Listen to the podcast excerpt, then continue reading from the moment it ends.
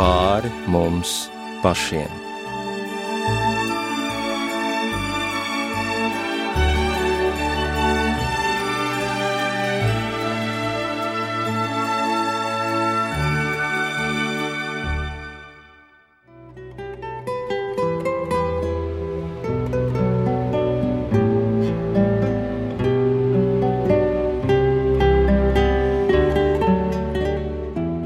Esiet sveicināti raidījumā pāri mums pašiem, lai ir slavēts Jēzus Kristus. Studijā Inte Zēgnere par skanējumu rūpējas Ilmārs Kikusts un gribu atgādināt mūsu klausītājiem, ka Latvijas Nacionālās bibliotekas piektajā stāvā šobrīd ir skatāma kamera izstāde Nepazust starp kontinentiem - sprūdžu dzimta. Šī izstāde vēl būs skatāma līdz 19. februārim, tāpēc arī gribējās vēl pagūt pievērstai uzmanību un pagājušajā gadā arī apritēja simtā gadsimta vienam no ievērojamākajiem tās pārstāvjiem, trimdas latvietim, bibliotēku zinātniekam, starptautisko tiesību zinātņu bibliotekāram Adolfam Sprūdžam. Un tieši tāpēc šovakar studijā viesojas Adolfa Sprūdža dēls Uģis Sprūdžs. Labvakar! Labvakar! Un arī publicists Zārnis Šablovskis. Labvakar! Un e, šī mūsu raidījuma iecerē ir iepazīties ar šīs dzimtas stāstu, kurā sava loma ir bijusi arī bīskapam Boļaslavam Sloskānam, kurš savulaik mocīts daudzos Krievijas cietumos, bet pēc tam savukārt rietumu pasaulē ir varējis būt liecinieks gan par padomju zvērībām, gan arī palīgs Latvijas jauniešiem, kas pēc otrā pasaules kara ir nonākuši trimdā. Jūs, Uģija, uzskatāt par savu pienākumu uzturēt ciešu saikni ar Latviju. Bet kāds tad ir tas dzimtas stāsts, ko jums ir izdevies izpētīt? Jā, paldies par to iespēju šeit pavadīt laiku ar jums un, un klausītājiem. Esmu dzimis Beļģijā, tikai divu gadu vecumā mēs eh, ģimeni ieceļojām Amerikā. Es dzimu taisni Luvens pilsētā, Beļģijā, kurā Eh, abi mani vecāki toreiz bija studenti. Pateicoties Bīskaps Loskāna izkārtotajām stipendijām katoļu studentiem Beļģijā. Tēvs studēja Franču universitātes nodaļā, māte studēja Flāmu uh, universitātes nodaļā. Uh, māte iesāka studēt medicīnu, un tēvs tolaik studēja starptautiskās tiesības. Nu, un tā divu gadu vecumā mani vecāki ar mani brauca ar kuģi pāri uz eh, štatiem. Mēs iebraucām Ņujorkas ostā, un tad no turienes eh, pārvietojamies pamazām uz eh, valsts vidienu, uz Čikāgas pilsētu. Čikāgas pilsētā bija jau priekšā manas mātes, māsas un māte. Tā kā kādu laiku mēs pie viņiem pavadījām, un tad pamazām tēvs iekārtojās darbos dažādos, un e, dzīve ritēja uz priekšu. Tēvs pa vakariem mācījās bibliotekāra zinātnes. Un uh, gadu tecējumā viņš kļuva par bibliotekāru vairākās akadēmiskās universitātes bibliotekās. Un pēdējais darbs viņam bija Čikāgas Universitātē, Tiesību zinātņu fakultātes, bibliotekas, ārlietu krājumu uh, direktors. Nu, viņš daudz ceļoja pa pasauli, Čikāgas Universitātes uzdevumā. Viņam bija daudzi kontakti ar ārzemju tieslietu speciālistiem, un viņš attīstīja tādu plašu eh, zinātnieku un bibliotekāru paziņu un draugu tīklu. Un tas, man liekas, ka viņam palīdzēja turpināt darbu, kura degpunktā bija atgādināt pasaulē par Baltijas valstu nelegālo aneksiju un darīt visu iespējamo, lai šis jautājums nepazustu no redzesloka ne zinātnē, ne presē, un ne vispārējai plašai sabiedrībai. Tā kā es viņu uzskatu par vienu no Latvijas valsts de jūra pastāvēšanas stratēģijas pamatlīdzējiem. Tādu bija vairāk, ne, bet mans tēvs bija viens no viņiem. Nu jā, tad es arī varētu pieminēt, ka tēvam bija tāds draugu pulciņš. Un, un tas draugu pulciņš bija ar nosaukumu Rakte. Un Rakte atskaņu kronikā tiek stāstīts par to, ka eh, zemgaļi cīnoties pret vācu krustnešu pārspēku atkāpās, un viņu pēdējā atkāpšanās vieta bija Raktes pilsēta. Un iznāk tā, ka tūlīt pēc otrā pasaules kara mans tēvs nonāca Tībingenas pilsētiņā Vācijas dienvidos. Un šajā Tībingenas universitātē bija vairāki latvieši. Tā kā Jānis Krēsliņš un mans tēvs un daži citi, viņi tā cieši sadraudzējās un nolēma izveidot tādu draugu kopu ar nosaukumu Rakte. Man liekas, ka viņi identificējās ar senajiem raktiešiem. Tā kā senie raktieši bija spiesti pamest savu dzimteni, doties trimdā, tā arī viņi izjuta uz matu to pašu likteni. Bet man ir tāda nojauta, ka Dībingens raktieši gribēja kaut kā pārspēt vecos raktiešus. Tādā ziņā, kad viņi apņēmās darīt visu iespējamo, lai nepazustu, lai paši nepazustu latviešu tautai, un lai darītu visu iespējamo, lai atgādinātu pasaulē par viņu likteni, par viņu dzimtenes likteni. Jā, bet gan jūsu tēva dzīves stāsts, gan arī tēva brāļu dzīves stāsts tomēr ir aizsācies Latvijā. Un izstādē ir tādi aizkustinoši portreti, ko ir gleznojis viens no brāļiem, Jānis Sprūčs, kur mēs redzam Kārli un Veroniku, un arī viņa paša pašportretu no saksta gala. Tātad sprūģi ir saistīti ar saksta galu, tāpat kā savulaik arī Francis Trasuns, un tā dzimta ir sākusi no turienes savus ceļus, un diemžēl tie ceļi ir bijuši ļoti dažādi. Tātad trīs brāļi - Aleksandrs, Jānis un Ādolfs, un tomēr katram savi līku loči bija jāizstaigā. Jā, latviešiem ir daudzas pasakas, kas iesākās ar vārdiem: Tēvam bija trīs dēli. Bet eh, pasakās, turpinājums šai pasakai iet, iet apmēram tā, divi bija gudri un viens bija muļķīts. Nu, manas ģimenes eh, stāstā arī bija tēvam trīs dēli. Eh, tēvs Kārlis, viņam bija trīs dēli, vecākais Aleksandrs, vidējais Jānis, jeb Janka, kā viņu sauc, un, un trešais bija Adolfs. Viņi visi trīs bija apdāvināti, viņi visi trīs bija čakli, viņi visi trīs bija gudri. Bet notika tā, ka viņu likteņi izšķīrās taisni otrā pasaules kara gaitā. Aleksandrs un mans tēvs abi nokļuva vācu karaspēku uniformās.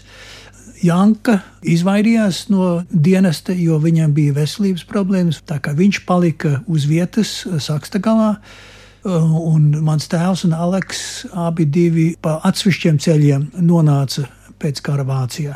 Par otro brāli, par Janku, stāsts ir tāds, ka viņš palika Saksta galā un kad uh, fronte tuvojās no Krievijas puses pāri Latvijai.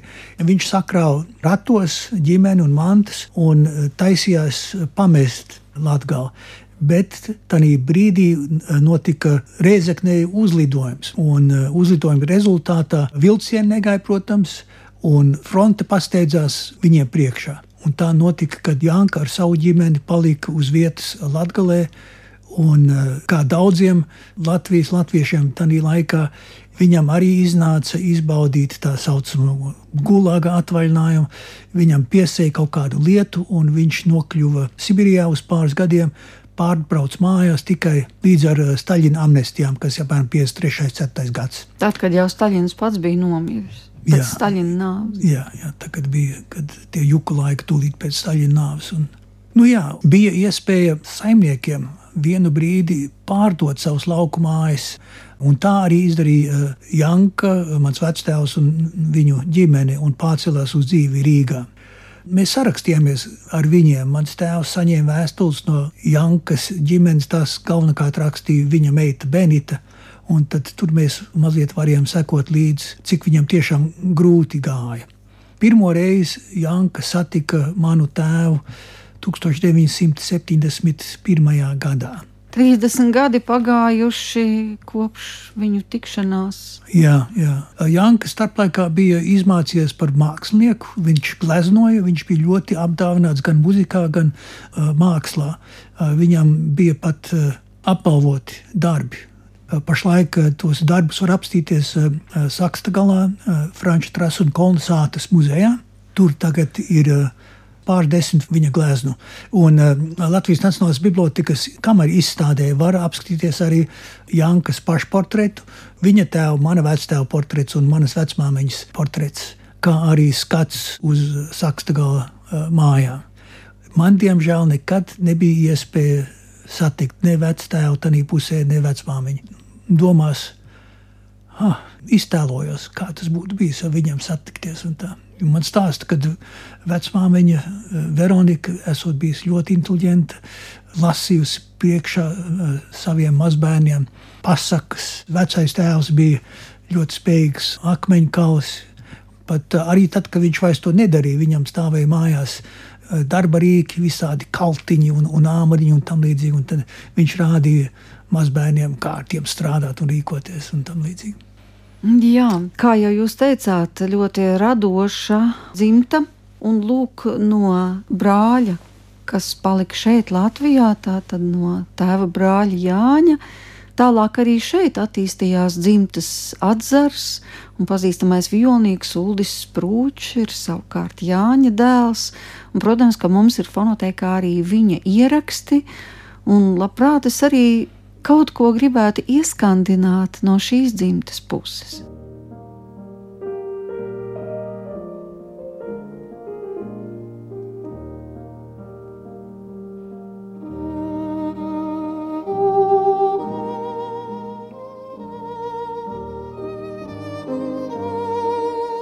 Tā 80. gados skanēja Friča Kreislera Andante Martīnī stilā, ko Ulris Sprūčs ieskaņojas kopā ar Intu Villerušu.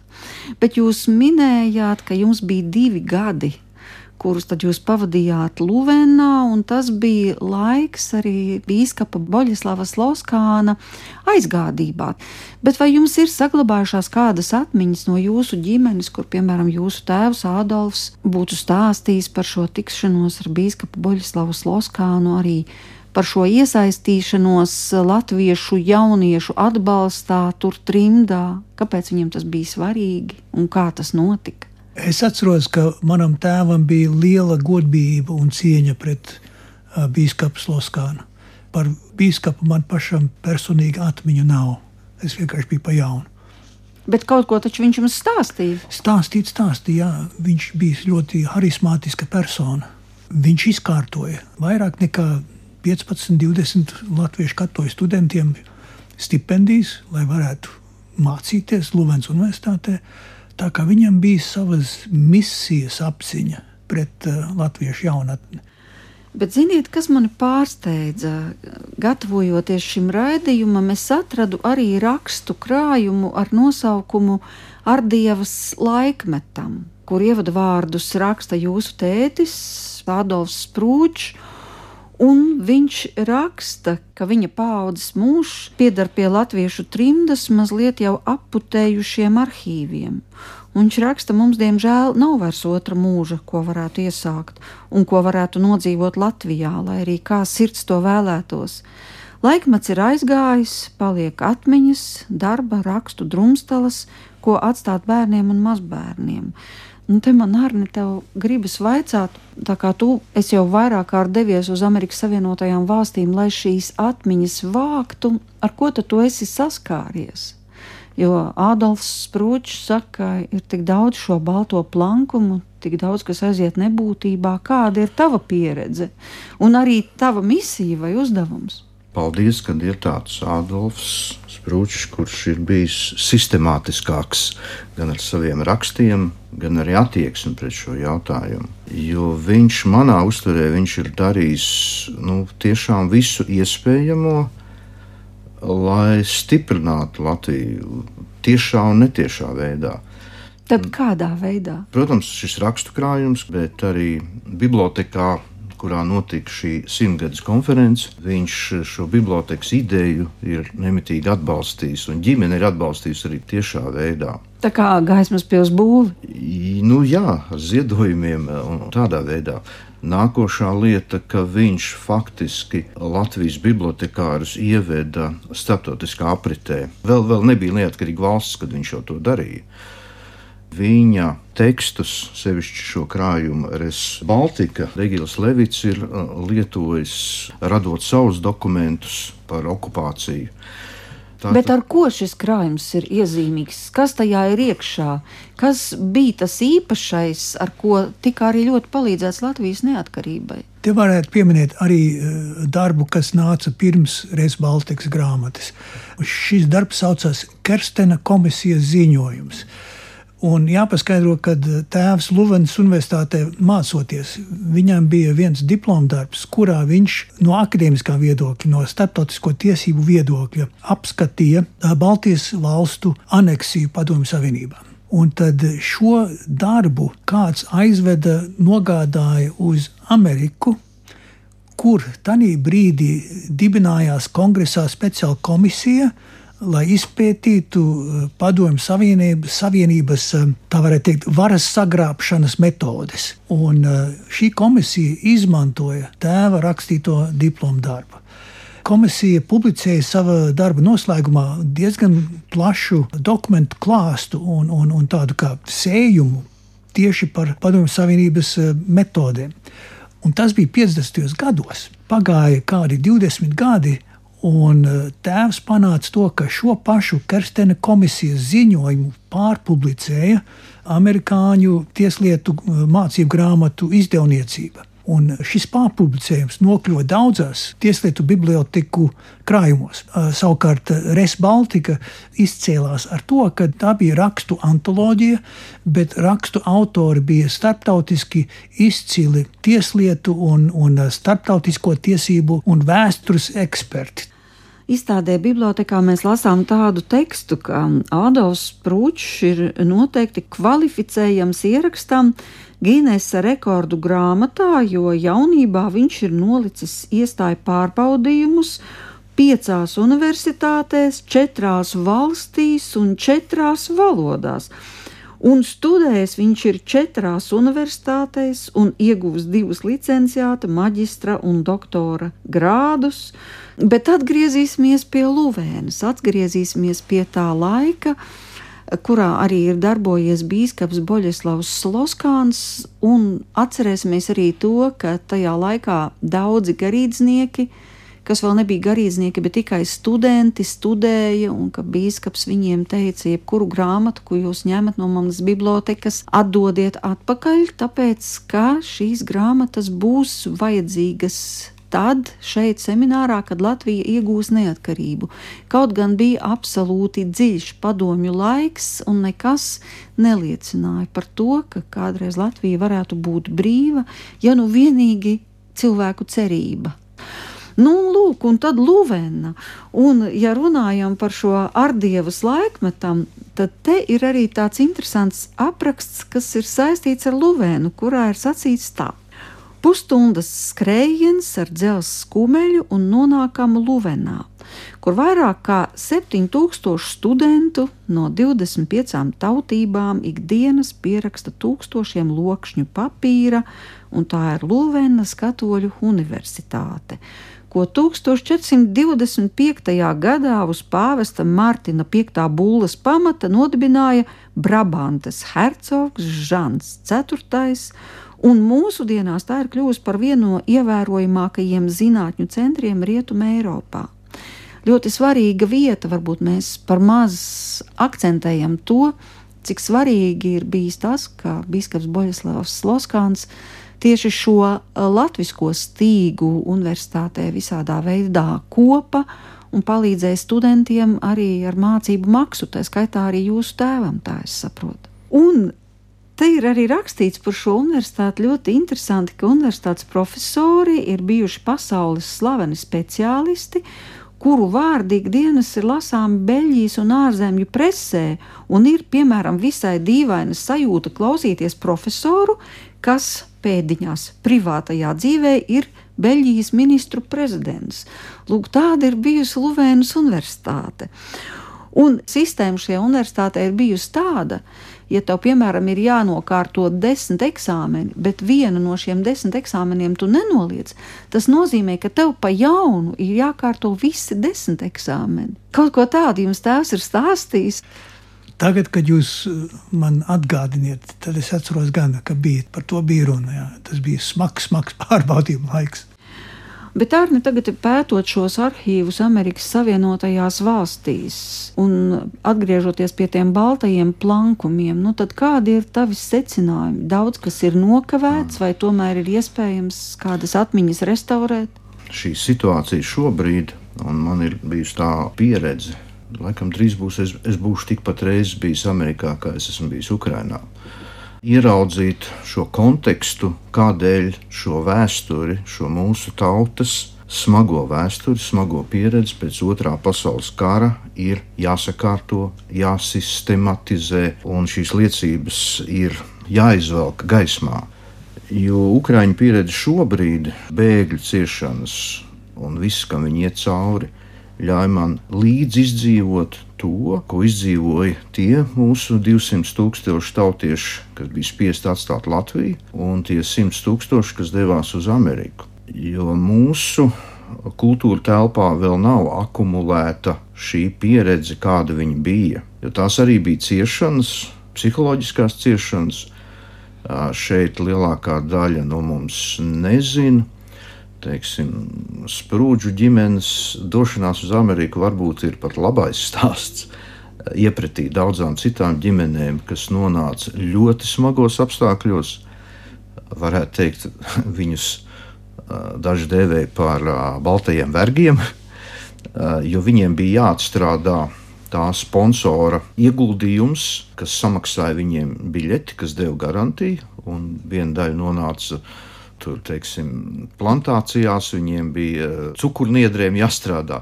Viņi strādāja ļoti smagu darbu.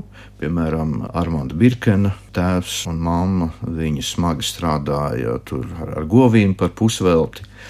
Un tikai tad, pēc šiem pirmajiem gadiem, viņi varēja izvēlēties, kur doties tālāk. Mēs ļoti maz zinām par uh, leģionāriem, kas nokļuva kuru ģimenes pārplīsa, viena daļa palika šeit, viena tur. Ir ļoti daudz smagu stāstu, bet šī pasaules atmosfēra šobrīd, es domāju, mums ļauj psiholoģiski iet cauri šiem stāstiem un saprast vairāk, kas ar mūsu tautu ir patiešām noticis.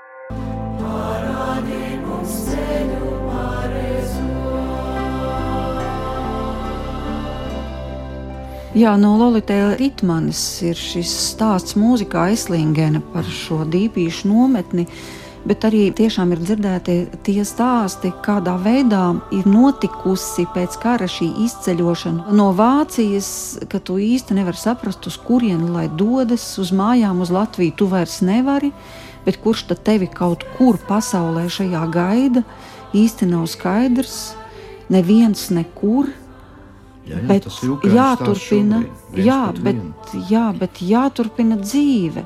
Un ka tas arī nemaz nav bijis tik vienkārši, ka žēlsirdīgā pasaule atvērtām rokām, jūtot līdzi cilvēku ciešanām, ir plaši atvērusi savas durvis un devusi visas nepieciešamās iespējas, ka tas nebūtu tā nebija ka grūti bija inteligencei, ka pirms doties tālāk bija, protams, kaut kāda darba intervija, tas ir personisks stāsts, ko man stāstīja.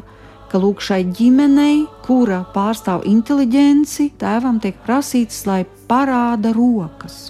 Un, ja tu saki, ka tu esi strādnieks, kas pirms tam esi strādājis lauksaimniecības darbus, un proti to un to un to, lai tu varētu izbraukt, piemēram, uz Ameriku vai uz kādu citu valsti, tad šis parādi rokas bija tā kā tests.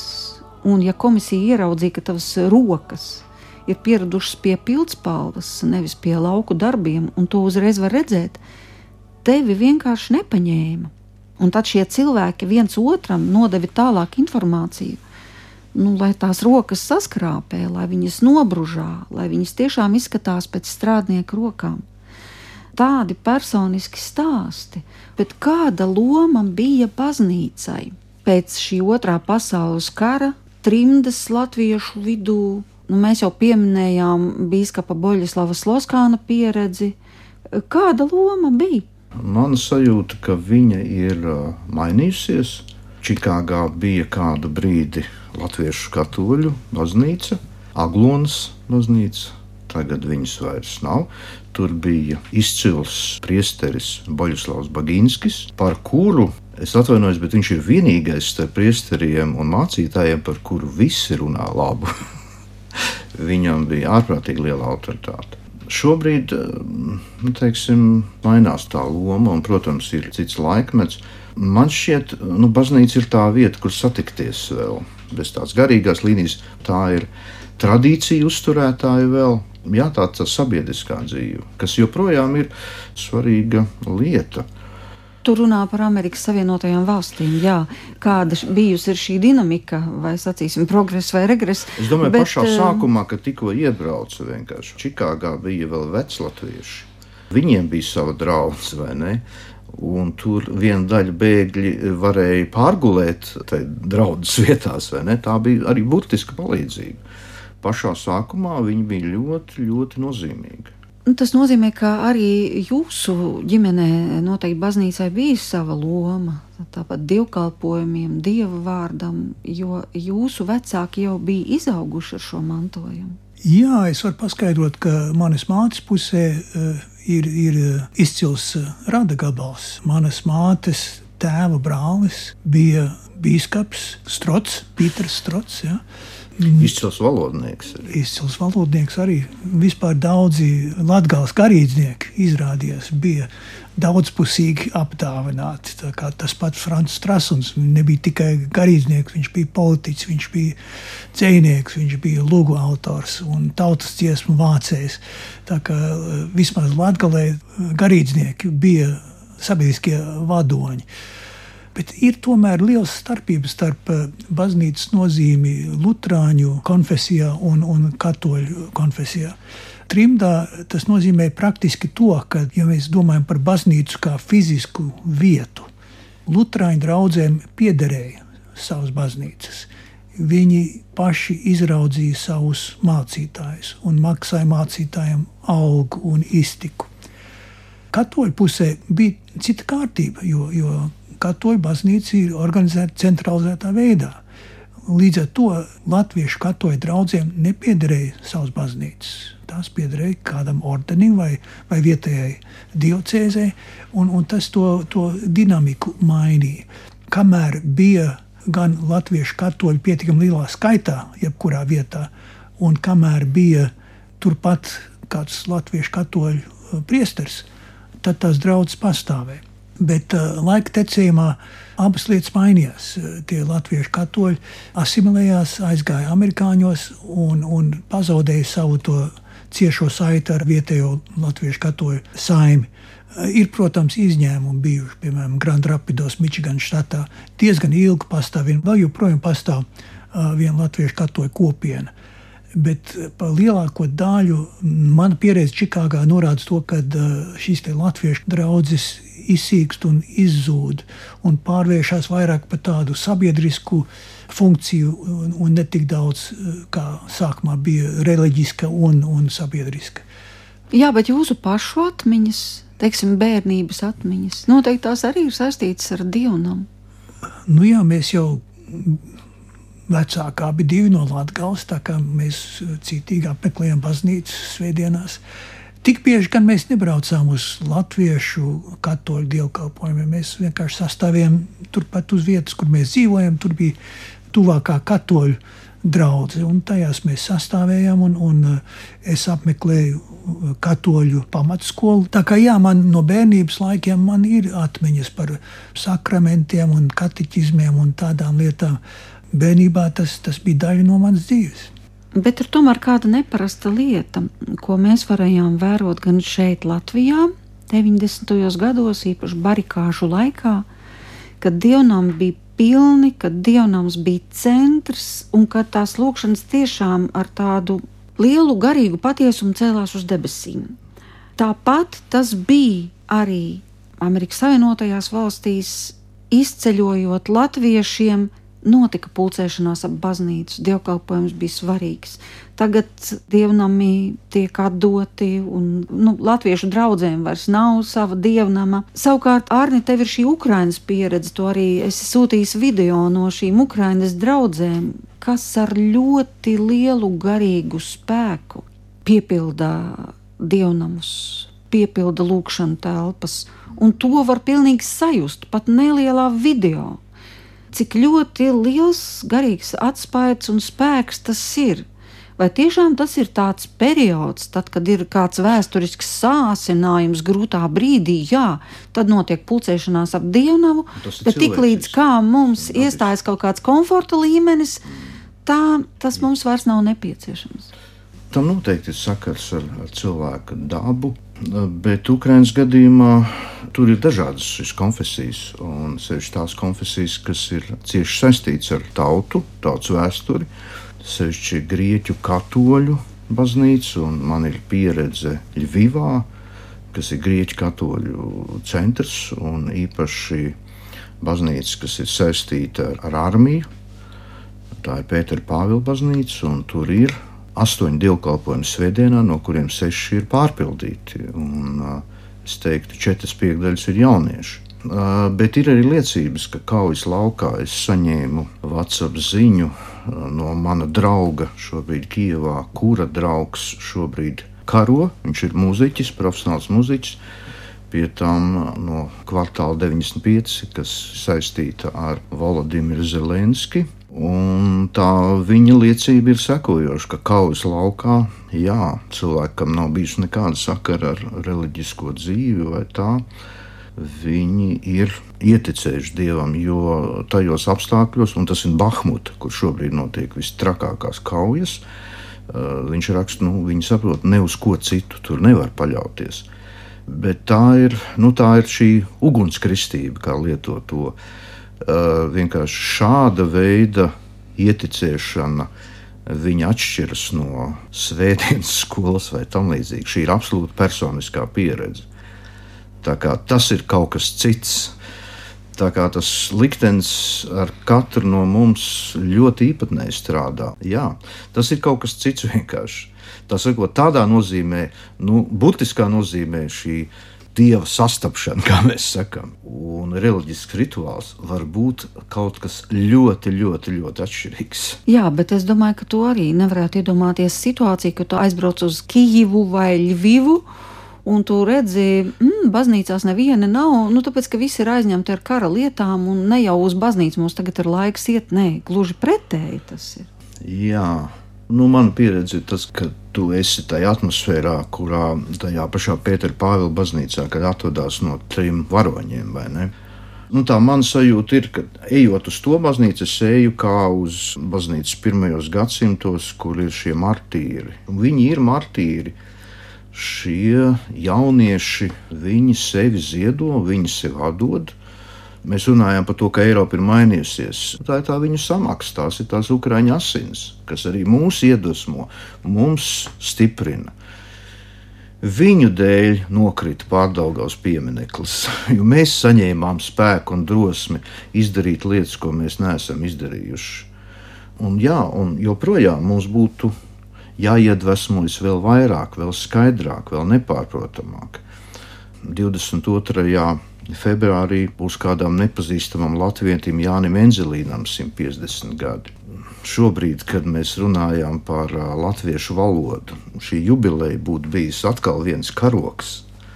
Ir lietas, ko mēs neesam nokārtojuši, tas padomju smārts vēl ir ļoti, ļoti klātesošs. Un tajā nozīmē šī latviešu vienas daļas, kas ir auguši, veidojušies brīvā pasaulē, viņu ietekme būtu vajadzīga vēl, vēl vairāk. Jā, bet tad ir jānonāk gandrīz līdz secinājumam, ka Dievs mums ir nepieciešams tikai ekstremālos apstākļos. Uh, nu es, ne, es nevaru pateikt, es neesmu viņu tik dziļi sastapis. Bet uh, šobrīd, ja mēs skatāmies ziņas, vienalga vai tas ir Turcija, šie ekstrēmie apstākļi ir. Un arī šis karš īstenībā notiek šeit, katra mūsu izvēle. Viņš ir mazliet attālināts, bet, bet man viena kundze teica, ka nu, par to domājot, man ir sajūta, saka, ka tas notiek manā sētā. Tas notiek manā sētā. Tas ir karš uh, par Latviju, par Eiropu, arī par Ameriku. Ir skaidrs, ka arī Ameriku šis ietekmē ļoti pat. Ļoti pat. Tā kā pasaule ir globāli sasaistīta, pilnīgi noteikti. Bet droši vien, ka mums nav vajadzīgs tikai rituāla dievs Mums ir vajadzīgs atgriezties, kā tas bija iesākumā, tajā pirmajos gadsimtos. Un Ukrainā man ir sajūta, ka es, nu, es esmu atpakaļ. tas dzīvīgums, kas ir, mm, es gan izvēlēju gribētu būt par Ukraiņu, Grieķu katolu šobrīd. Tā skaidrība, ka tur nav nekādas sienas starp to ar manu dzīvi, tur ārpusē un tā tālāk. Tas viss ir kopā saistīts. Un šī pati situācija provocē arī baznīcē mainīties kā es saku, ļoti daudz sakramentu ir, bet viens ir aizmirsts, manuprāt, un Ukrainā to neaizmirst. Tas ir dzīves sakraments, reālā dzīve vienkārši tajā lasīt. Jo cilvēki jau apkārt skatās ne tikai kādos tērpos, tu staigā, kādas citātus tu saki, viņi redz, vai tas, ko tu saki, vai to tu arī dari. Tik vienkārši tas ir. Uģi, bet jūs esat šobrīd Latvijā. Kas jūs ir šobrīd atvedis uz Latviju?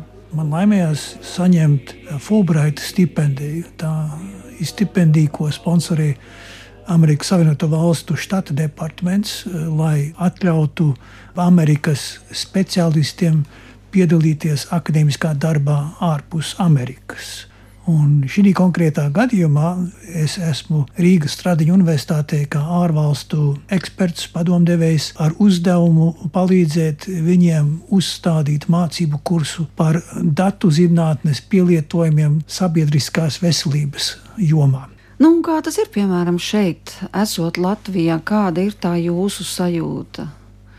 Ir cilvēki, kas saka, nu, tagad nevajag braukt uz šo reģionu, tas nemaz nav tik ļoti droši, jo redzes Ukraina blakus un viss šis kara faktors. Kāda jums ir šeit sajūta atrodoties? Es domāju, ka tā sajūta neatšķirās daudz no tās sajūtas, kas man ir, kamēr es esmu Amerikā.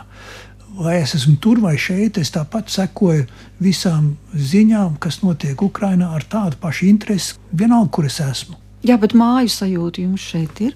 Veidojās. Man ir draugi, man ir radi šeit, un uh, man ir sava vietiņa. Un man ir savs pienākums, savs darbiņš, kas jādara. Un viss tas nu, sāk maisīties kopā vienā katlā, un no tā, tā katlā top tā piedrības sajūta. Es jūtos kā daļa no Latvijas, bet Tādā pašā laikā es arī jūtos mazliet citādāk. jo ar to, ka es esmu savu jaunību un savu profesionālo dzīvi pavadījis ārpus Latvijas, tas man ir devis kaut kādu citādu veidu eh, rūdījumu un pieredzi, kas varbūt nāk pa labu. Bet jūsu ģimene vienmēr ir bijusi arī atvērta kontaktiem. Vēl pat tajos laikos, kad Latvija neatkarību nebija atguvusi, jūsu ģimenes māja bija atvērta radošiem cilvēkiem no Latvijas, kuriem izdevās kaut uz mirkli izbraukt ārpus šīs sistēmas, kas šeit toreiz valdīja. Imants Ziedonis pie jums ir viesojies Jānis Peters, Māris Čaklais un vēl droši vien daudzi, daudzi citi. Jūs viņus no tiem laikiem atceraties? Ļoti labi atceros, jā, jo tajā laikā tie bija 70. gadi, kad pirmo reizi sāka ciemoties latviešu sabiedrībā Amerikā. Latvijas rakstnieki, dzinieki, un, un teātrnieki un, un mākslinieki. Tajā laikā bija tāds uzskats vienā latviešu sabiedrības daļā, trimdā. Un es to daļu varētu apzīmēt par nacionāli liberālo segmentu, kurā bija mans tēvs un, un līdzīgi domājošie. Un viņi saprata, ka te ir apusēja nepieciešamība gan trimdai satikties, iepazīties, sākt saprast radošo inteligenci Latvijā. Un no otras puses, Latvijas radošā inteligence, bija izsalkuši, izslāpuši pēc iespējas baudīt amerikānisko, rietumniecisko, brīvo kultūras vidi. Un, un šīs abas vajadzības eh, ļoti forši apvienojās. Mēs, trimdā dzīvojuši, ļoti daudz ieguvām no tā tiešā kontakta ar, ar Latvijas dzīvo kultūru. Jo pirms tam mēs vairāk vai mazāk dzīvojām no tā, kas bija pārnests no Latvijas, no brīvās laikiem. Tās paudzes cilvēki, kas turpināja radīt latviešu kultūru. Bet eh, tas nav tas pats, kā nonākt tiešā saskarē ar tādu kā Imants Ziedonis vai Jānis Peters vai Mārķis Čaklo vai citiem. Vai Bet jūs nebiedējat tas fakts, ka gan jau šajā grupiņā Un šo viesu vidū tikpat labi var iefiltrēties kāds spiegs vai vervētājs, tikpat labi var salikt kādus mikrofoniņus jūsu grāmatu plauktā un tā tālāk, jo taču bija cilvēki, kas brauca ar tā saucamo virsuzdevumu. Tie iefiltrēšanās mēģinājumi, par kuriem esmu lasījis, nenotika caur uh, kultūras darbiniekiem. Tie notika citādā veidā kad brauca Imants Ziedonis, vai Jānis Peters, vai Mārcis Čaklais. Vai nu viņi brauca vieni paši, viņiem brauca līdzi kāds funkcionārs, vai viņi brauca grupā, kurā bija sazīmējami tie pavadoņi, kā mēs viņus saucam. Un, un tad tie, kas viņus uzņēma, mēs to atšifrējām samērā ātri un, un atradām veidus, kā nošķirt tos pavadoņus no tiem kultūras darbiniekiem. Mēs to sapratām. Nu, atsevišķos gadījumos viņi tika vienkārši piedzirdīti. Jā, jā tādas stāstus es zinu, un, un to viņi neatcerējās, kas notika. Tur, tur bija dažādas nepārprotamas viltības, kā ar viņiem tika galā. Dažus veltījumus Imants Ziedonis ir atstājis arī jūsu tēvam Adolfam.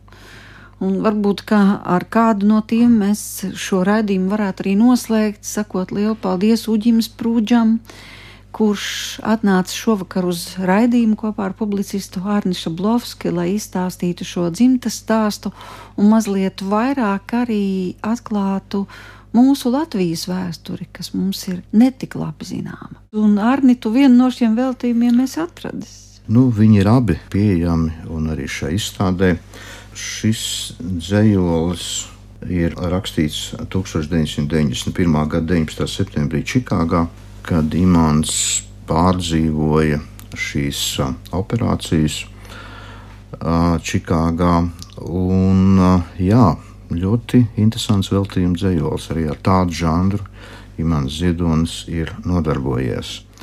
Garām kreņķi, garām riski, notikumi starptautiski, arī etiķeti zina, sprūdža kungam uzdāvina valsti maziņu, bet skaistu, tiesisku un dieva laistu vai nav jubilāram prieki? Viss, kas gudrots, nav lieki, viss, kas studēts, lietā liekams, tautā ietautojams, iekams neziņā, bet darīt kāra, tā, ko greizu nesavāra. Māja arī jāpārvalda, visi bērni lai pie galda, priecīgi un kūku kāri sapulcētos regulāri Pastu sūta visi pasti katru dienu, pasta kasti jāredz, pasaule ko tenko. Liela daļa aiziet dženkā, tad kā sunīti vēl sirdi, ja tu pārsitienus dzirdi, jāstaidzina, jāved laukā, mūsu haidparkā jaukā. Tad vēl jāpērk svētku šaule, nākošais gadam, kad būs balle liela būs nekāda sīkā, Čikāgā un arī Rīgā. Visā tajā veiksmes, tīksmes, izdošanās un daudz līksmes, panākumus, priekus, laimes, vēl jums divi jūsu saimes aizvējā, kas mitinājās. Gan arī tā kā savās mājās, ausma, arī auķis saukta, un vēl viens no dieva plaukta - imants. Jā, Tas bija kaut kas nezināms no imanta ziedoņa daļradas, bet atklāja ļoti daudz par šo savstarpējo draudzību ar Ādolfa Sprūģa ģimeni. Ausmai gan tur bija dieva piedzīvojums Čikāgas slimnīcā par uh, imantu lūdzot, tad, kad viņa operēja. Jā, jā, jo Ausmiņa saka, lūdzu, lūdzu, un tad kaut kāda gaisma. jā, jā, to Ausmiņa man izstāstīja. Kaut kāda gaisma, un es nomierinājos. Raidījumā pāri mums pašiem, kas bija veltīts sprūdžu dzimtas likteņiem, ar vienu no šīs dzimtas pārstāvjiem, Uģis Prūģu un publicistu Ārni Šablovski, tikās Inte Zēgnere.